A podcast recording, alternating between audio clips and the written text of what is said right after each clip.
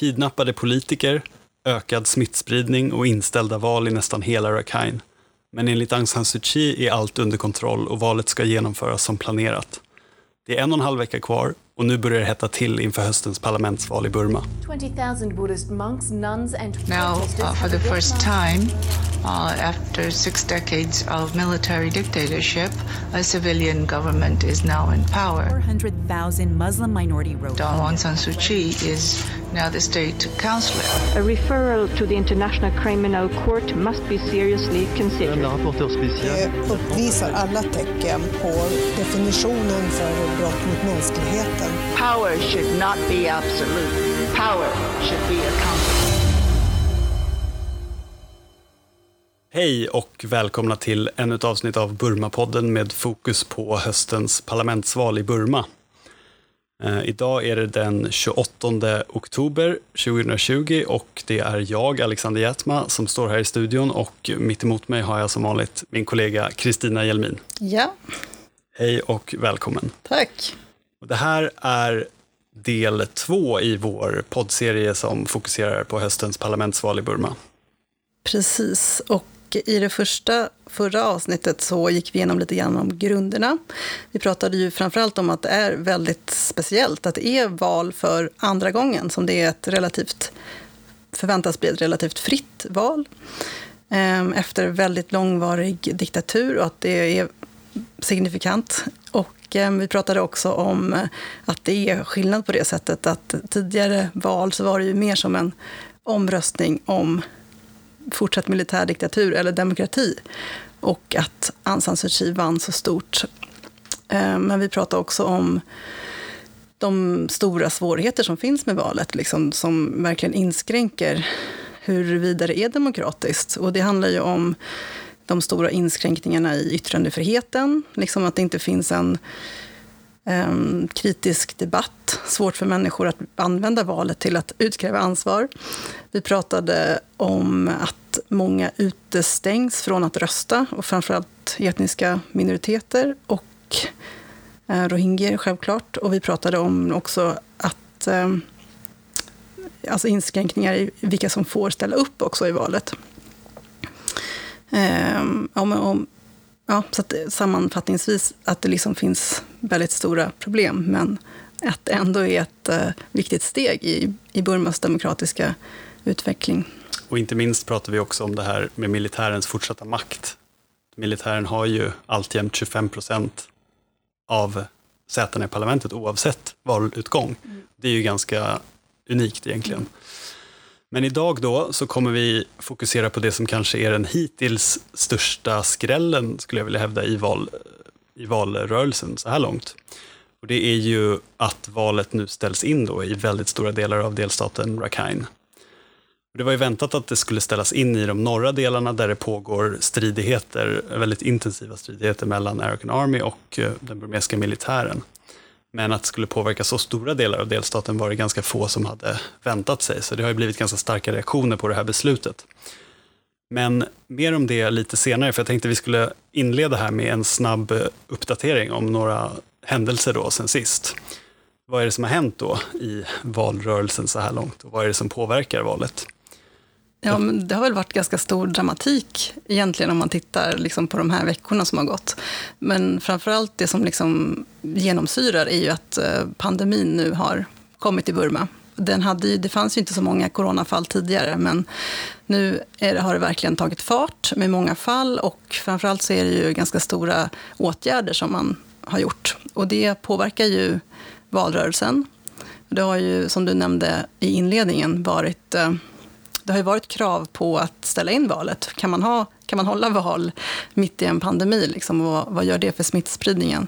Men där har ju eh, Aung San Suu Kyi och regeringspartiet och då valkommissionen varit tydliga med att valet kommer hållas. Och det har också gjorts uttalanden om, om att det här, liksom, det här är så pass viktigt eh, att vi får pandemin får stå tillbaka.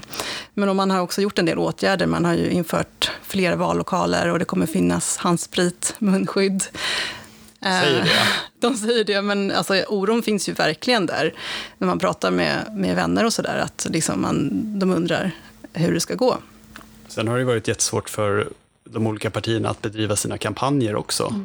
För kampanjrörelsen startade ju den 8 september. Men de har, inte, de har ju knappt kunnat kampanja och då, när de har gjort det så har det varit under väldigt restriktiva former. Liksom. Eh, mycket har ju skett digitalt såklart, som överallt annars. Men där har ju många, framförallt de mindre partierna, vad man förstår, haft ganska stora problem att ställa om till en så digital valrörelse. Där menar ju vissa att NLD har ett stort um, övertag.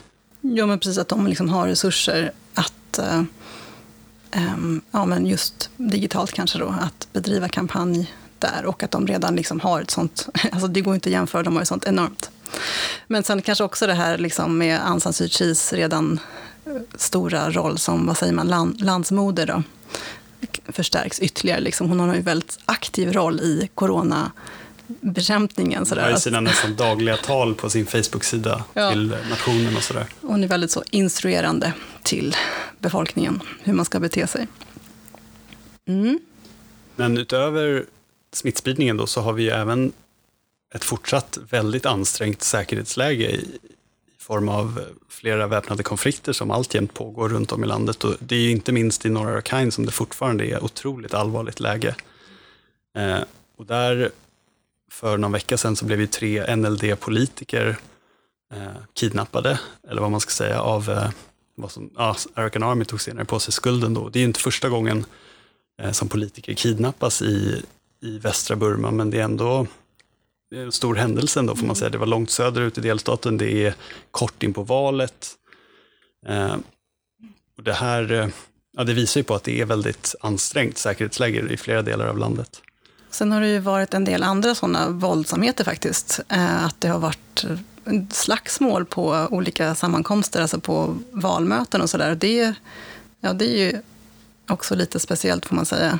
Ehm, Och slagsmål säger du, Ja, det, men- det är ju mer än bara Ja. slagsmål, för det har ju varit sådana här lite större valmöten ute i landet där liksom, det har varit liksom regelrätta sammandrabbningar mellan till exempel NLD och USDP-supportrar. Folk har ju skadats allvarligt. Eh, och det har varit en del förstörelse eller skadegörelse på så här valaffischer och så. Så det har ändå varit en del, vad ska man säga, det har hettat till lite i valrörelsen, trots allt. Ja, men och, och kopplat till det också, och eh, som också har att göra med den ökade nationalismen som vi har pratat mycket om, så var det en nyhet i morse faktiskt, som handlade om att det var en, en kampsång som, som blev förvanskad. En av NLDs vallåtar har då gjorts om till en mer satirisk text. Eh, och det blev en, ja, en, en snackis här då, alldeles nyligen. Och det som var lite spännande med det var ju att, ehm, ja, men att det var ganska grova nationalistiska teman, att Aung San Suu Kyi liksom anklagas för ehm, att förräda ras och religion och sådär. Och att det var, ja men jag studsade på att det var väldigt, väldigt grovt, grovt språk. Och den här hade då spelats på ett sånt här kampanjmöte bland- bland USDP-supportrar vad jag förstod. Ja. Men sen är det lite speciellt också att den omedelbara reaktionen på det här, det är ju att oj, det här är förtal, så här får man inte göra och då blir det rättsliga åtgärder det första man gör. Så, och det är ju också väldigt speciellt egentligen att det är reaktionen. Liksom. Ehm, och sen en sista nyhetsuppdatering då, innan vi går vidare till dagens eh, huvudtema, det är ju att vi har haft ett parti som har blivit diskvalificerat eller helt enkelt upplöst av valkommissionen och då är det ju det här partiet som heter United Democratic Party som är lite spännande ändå, för de hade väldigt många kandidater registrerade. De hade alltså enligt uppgift näst flest kandidater efter NLD faktiskt. Men nu är då alla de kandidaterna diskvalificerade och partiet också. Och det här handlar om, det är liksom en riktig härva egentligen, men det handlar om att den här partiordföranden då, eller han som har finansierat det här partiet, Cho Min heter han, han har då tagit emot pengar illegalt från Kina, hävdar då eh, valkommissionen. Men de hade ju gått igenom de här in, initiala, eh, eh vad säger man, filtren liksom. Men det här uppdagades då ganska sent och nu har de helt enkelt blivit diskade. Men den här karaktären då, Joe Min, han är ju ganska spännande för han var ju då dömd för pengatvätt på 90-talet. Han hade tvättat pengar åt United West State Army, något drogrelaterat. Eh, sen blev han fängslad i Mandalay. Han rymde från fängelset också på 90-talet och fick till slut asyl i USA och Kanada. Och sen har han då på något sätt tagit sig tillbaka under mystiska omständigheter till Burma och startat det här partiet. vad jag förstår ställde de även upp i förra valet men fick liksom inga platser. Eh, Men nu då gjorde de en storsatsning, men nu har allt det här uppdagats så han, han står ju då åtalad nu och kommer förmodligen åka tillbaka in i fängelset. Så det här har ju varit en väldigt stor nyhet. Så det, ja, det man kan konstatera är helt enkelt att det har hänt väldigt mycket i den här valrörelsen trots allt. Men om vi ska gå in på dagens huvudämne då som sagt, så är det ju häromveckan så meddelade den burmesiska valmyndigheten att man ställer in valet i ett antal områden runt om i landet. Eh, och det här var ju ett ganska väntat beslut får man ändå säga. Eh, men det som var oväntat var ju att valet ställdes in i, framförallt i delstaten Rakhine, att det var så många områden som omfattades. Det var ju ganska väntat att det skulle ställas in i de norra delarna där de här stridigheterna pågår mellan Arakan Army och militären. Men eh, som vi var inne på tidigare så ställdes nästan hela Rakhine in, eller påverkades på ett eller annat sätt. Men och där vill man väl säga också att eh, redan, eller visst det här skedde också 2015, men man var också väldigt kritiserad från valobservatörer och så vidare internationellt. Att man kan inte bara, om man ska ställa in val, då ska det verkligen vara omöjligt att genomföra det. Annars är det liksom en orimlig inskränkning av rätten att rösta. Och nu som sagt vart det ju då än värre än, än förra gången och det har ju verkligen varit eh, massiv kritik mot det här. Men om vi ska ta bara och berätta liksom om eh, skalan, ja, hur mycket det här var. Då, då är det ju som sagt i 15 townships, eller valkretsar, valkretsar till underhuset om man ska vara noga, som då har ställts in i, i hela landet. Och det är framförallt i, i Rakhine och i Sean State. Och i Rakhine då, som du var inne på, där eh, påverkar det ju väldigt stort, för där är det liksom i en majoritet av townshipsen som man har ställt in valet i 9 av 17. Och det påverkar då faktiskt så många som 900 000 eh, röstberättigade. Alltså 70 procent av väljarkåren som var beredda att gå ut och rösta här nu om, om en dryg vecka. Och det bara ställs in. De får inte, alltså deras röster räknas inte, det blir inget. Och konsekvensen av det här blir ju att när valet ställs in helt i en valkrets, då kommer de sätena stå tomma i parlamentet efter valet. Så att eh, i fallet eh, Rakhine då så blir liksom nio platser i underhuset står tomma och sju platser i överhuset kommer stå tomma då efter det här valet. Så då alla de här som, är, som då är uteslutna, de har alltså ingen representant då. Det blir liksom effekten av det här. Och likadant i, Sean, Ja. i Sean State. Då. Eh, där var det lite mindre skala och också att det liksom var mer väntat för att det var lite liknande delar som, som förra valet.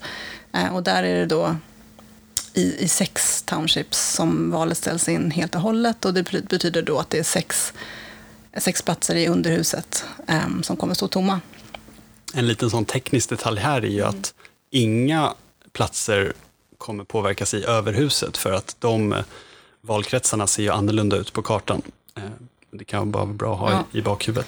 Men det är väldigt många väljare som påverkas också då. Att det är 300 000 röstberättigade som bara stryks, som inte får rösta. Ja. Och sen eh, utöver de här valkretsarna som vi nämner nu, där valet är helt inställt, så är det ju ytterligare stora delar av landet där valet ställs in på en liksom lägre nivå som är under en hel valkrets. Eh, det, är sådana här village tracts och wards då, som man pratar om. Och där kommer ju inte valet heller genomföras. Och det är då stora delar av Kachin, framförallt eh, Kachin Independence Army kontrollerat område. Eh, det handlar om ytterligare delar av Shan State, det handlar om Karen State, det är delar av Bago och det är till och med delar av Mon State, lite, ett litet hörn i norra Mon State och sen inte minst då Paletwa i södra Chin. Eh, Så att det, det är liksom stora delar av landet verkligen som omfattas av de här restriktionerna, Ja, och att det är i minoritetsområden uteslutande. Ja, och att det liksom spär på det här med ja, minoritetsrepresentationen redan är liksom för låg och deras inflytande är ett stort problem. Ehm, Det där har ju kritiserats ganska hårt. Jag tänkte vi kanske kan kolla lite på den kritik då som har riktats mot, mot den här åtgärden. Jo, men dels är det ju liksom den, den stora skalan, att det är så väldigt stora delar som valet ställs in. Och sen är det ju de här misstankarna att det här faktiskt är politiskt motiverat och inte motiveras av säkerhetsskäl. Och eh, där får man väl säga att man, man kan förstå kritiken och det handlar ju dels om att just i de här delarna där valet ställs in, det är de delarna där regeringspartiet NLD inte har så stor chans att, att vinna. Om man tittar på Rakhine till exempel, då, då är det då det lokala parti, partiet ANP som faktiskt tog hem alla de här valkretsarna i förra valet. Och det här får ju enorma konsekvenser för det här partiet som då alltså är det tredje största partiet på, på nationell nivå. Det, det riskeras då att helt eh, utraderas nästan. Det får inga platser alls i det nationella parlamentet. Så det, det, det är ju det då. Och så i kombination med att på platser där, där NLD har tros ha stora chanser att vinna, där har valet inte ställts in. Så det är liksom... Till exempel de här södra delarna av eh, Rakhine mm, då. Mm. Men också då, till en början så var det faktiskt så att valet inte ställdes in i, i Paletva i Chin State, där det verkligen har varit, det är liksom där de striderna har varit som störst. Um, så det var ju liksom en del av varför det var så negativ, mycket negativ kritik från början. Precis, Paletwa då i södra Chin som är otroligt konfliktdrabbat där skulle då vad det verkade valet genomföras som vanligt. Och det här är också ett område som NLD vann 2015 och det liksom spädde på de här politiska eh, motiven som man trodde låg bakom. Då. Och sen, jag tänkte säga, något som ytterligare, liksom, eller kanske är en grogrund för den här spekulationen, det är ju att hela förfarandet är otransparent. Alltså myndigheten kommer med de här, de kungör de här besluten och eh, man får liksom ingen riktig motivering för om det är helt nödvändigt och i så fall på vilka grunder valet ställs in, utan det är ganska luddiga formuleringar som används. De har ju inte berättat vad kriterierna är riktigt. Och sen så självklart den stora liksom, grogrunden till misstänksamheten är att den här då, valkommissionen, den är ju inte oberoende, utan den är politiskt tillsatt. Så det är liksom presidenten som tillsätter ledamöterna. Så det är det som är själva ja, det stora problemet egentligen. Jag tänkte om vi kunde gå in lite på vad det här liksom betyder i relation till valet.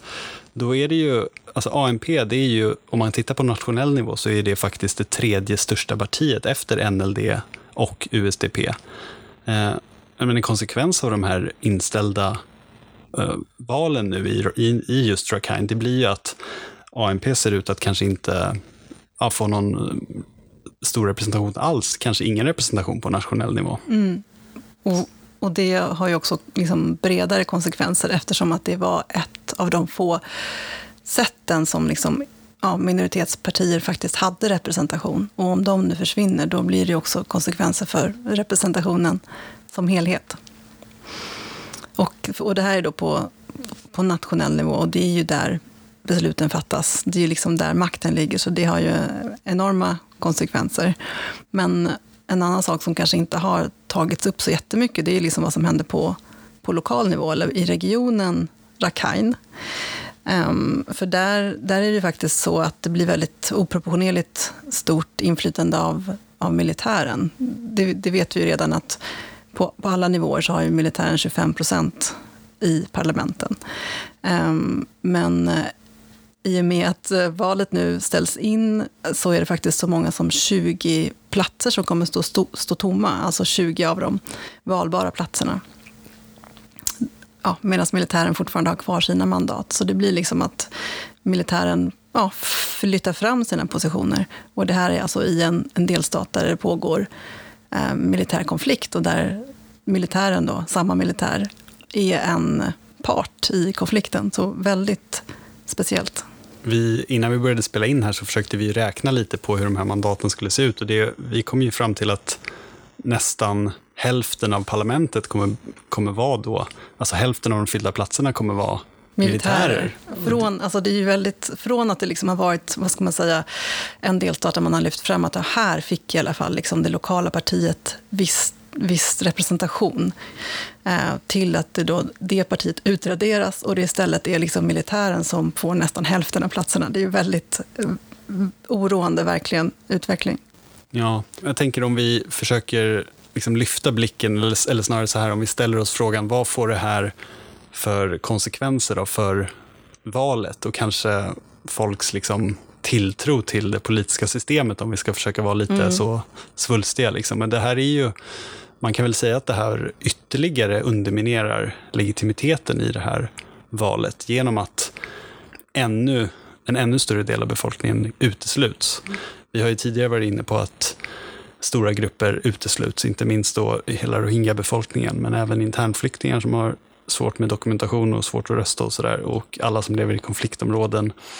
Så att valet är ju liksom eh, otroligt kritiserat ur den eh, synpunkten. Och det här riskerar liksom att ytterligare förstärka känslan av men någon slags hopplöshet egentligen, inte minst bland etniska minoritetsgrupper. Mm. Men precis, och om man ska titta lite bredare så riskerar ju det här ta lite grann andan ur det här hoppet som vi har varit inne mycket på tidigare. Att det fanns en förhoppning att etniska minoriteter skulle få ökad representation. Och det är ju väldigt viktigt för de här ödesfrågorna som vi um, brukar ta upp.